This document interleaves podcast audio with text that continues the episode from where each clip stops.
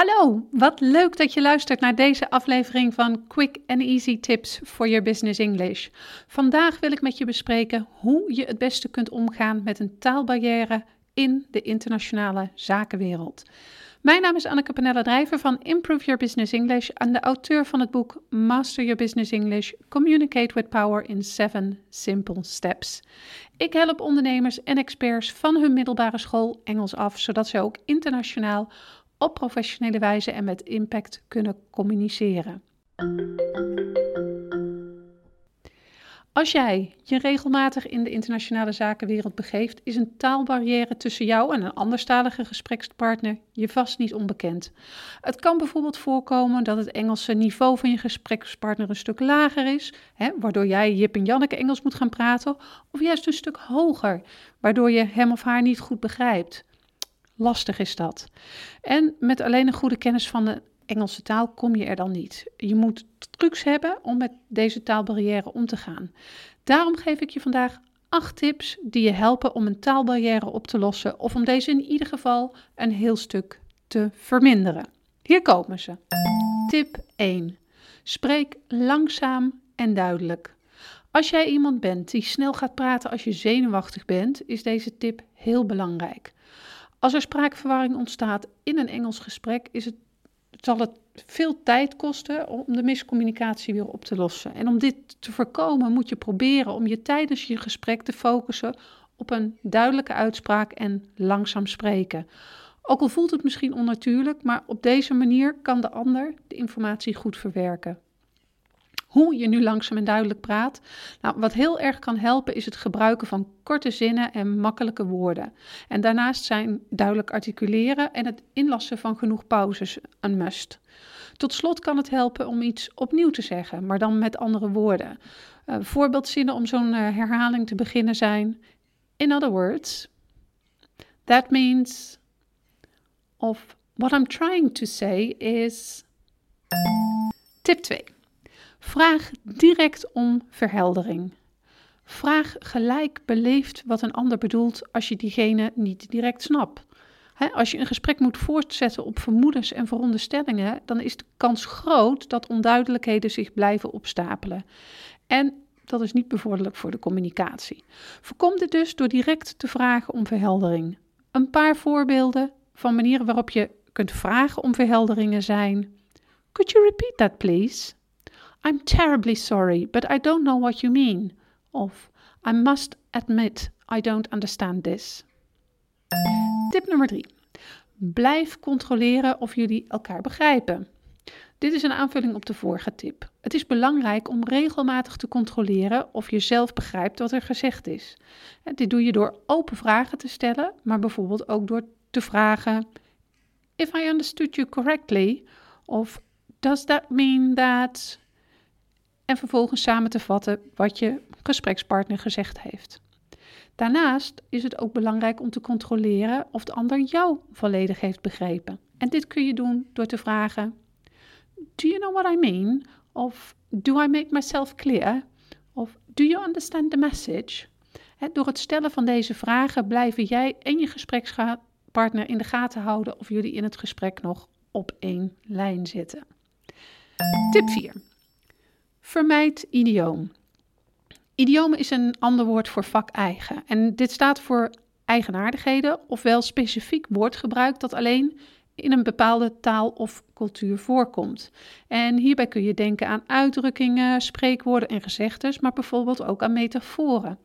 Ik zal je een voorbeeld geven. Ken je de uitdrukking white elephant? Dit is een uitdrukking die wel degelijk bestaat, maar die lang niet iedereen kent. De uitdrukking gaat over iets dat heel kostbaar, zeldzaam of duur is, maar niets oplevert en dus eigenlijk een last is. Maar omdat veel mensen deze uitdrukking niet kennen, kan deze snel worden verward uh, met andere uitdrukking over de olifant, zoals the elephant in the room. En deze uitdrukking is een metafoor voor een probleem dat duidelijk zichtbaar is, terwijl iedereen doet alsof het er niet is. Hè? En het zou toch raar zijn als jij een last binnen het bedrijf aankaart als een white elephant, maar je collega's de indruk hebben dat je hem beschuldigt van het ontwijken van een probleem. je kunt dus beter gewoon zeggen waar het op staat dan met idioom te gaan werken, tenzij je 100% zeker weet dat iets een algemeen bekende uitdrukking is. Tip nummer 5. Pas op met vaktaal. Net als idioom zijn er ook bepaalde vaktermen die niet algemeen bekend zijn. Hiermee kun je bijvoorbeeld denken aan technische termen, computergerelateerde termen of termen die je op kantoor misschien veel gebruikt, maar daarbuiten nooit hoort. Hetzelfde geldt voor afkortingen die intern dagelijks gebruikt worden, maar officieel helemaal niet bestaan. Ga er dus nooit klakkeloos van uit dat iedereen begrijpt waarover je het hebt. In e-mails en brieven zou je eventueel nog uitleg kunnen geven tussen haakjes. Maar tijdens face-to-face gesprekken of telefonische gesprekken kun je ze het beste vermijden.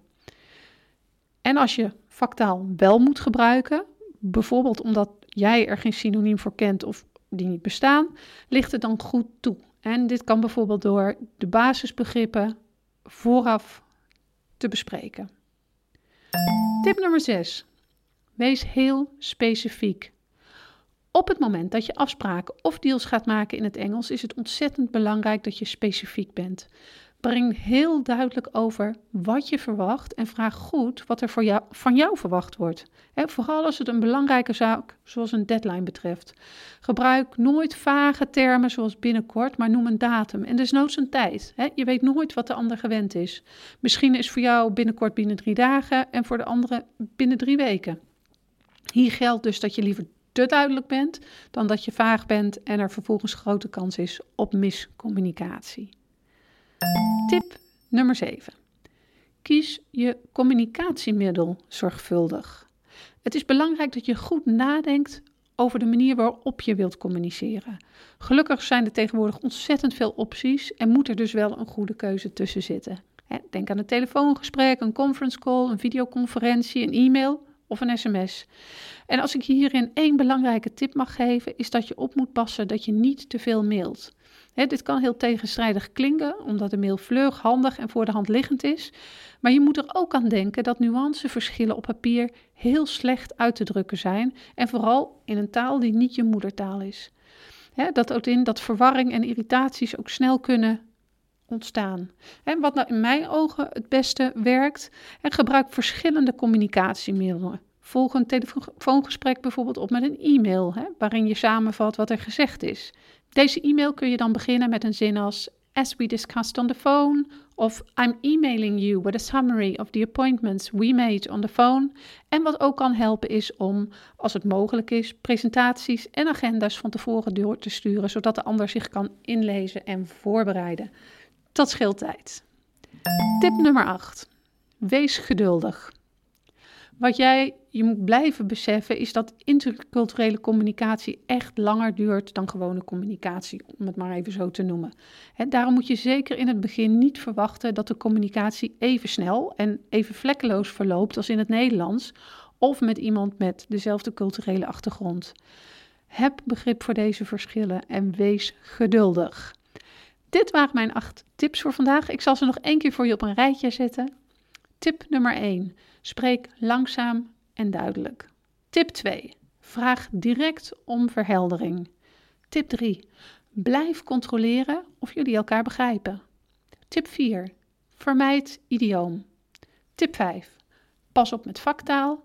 Tip 6. Wees heel specifiek. Tip 7. Kies je communicatiemiddel zorgvuldig. En tip 8. Wees geduldig. Luister deze tips nog één keer af voor je volgende internationale zakelijke afspraak en ik hoop dat je hiermee de taalbarrière verkleint. In de volgende podcast bespreek ik graag met je hoe je met gemak een presentatie in het Engels geeft. So, see you next time met quick and easy tips for your business English.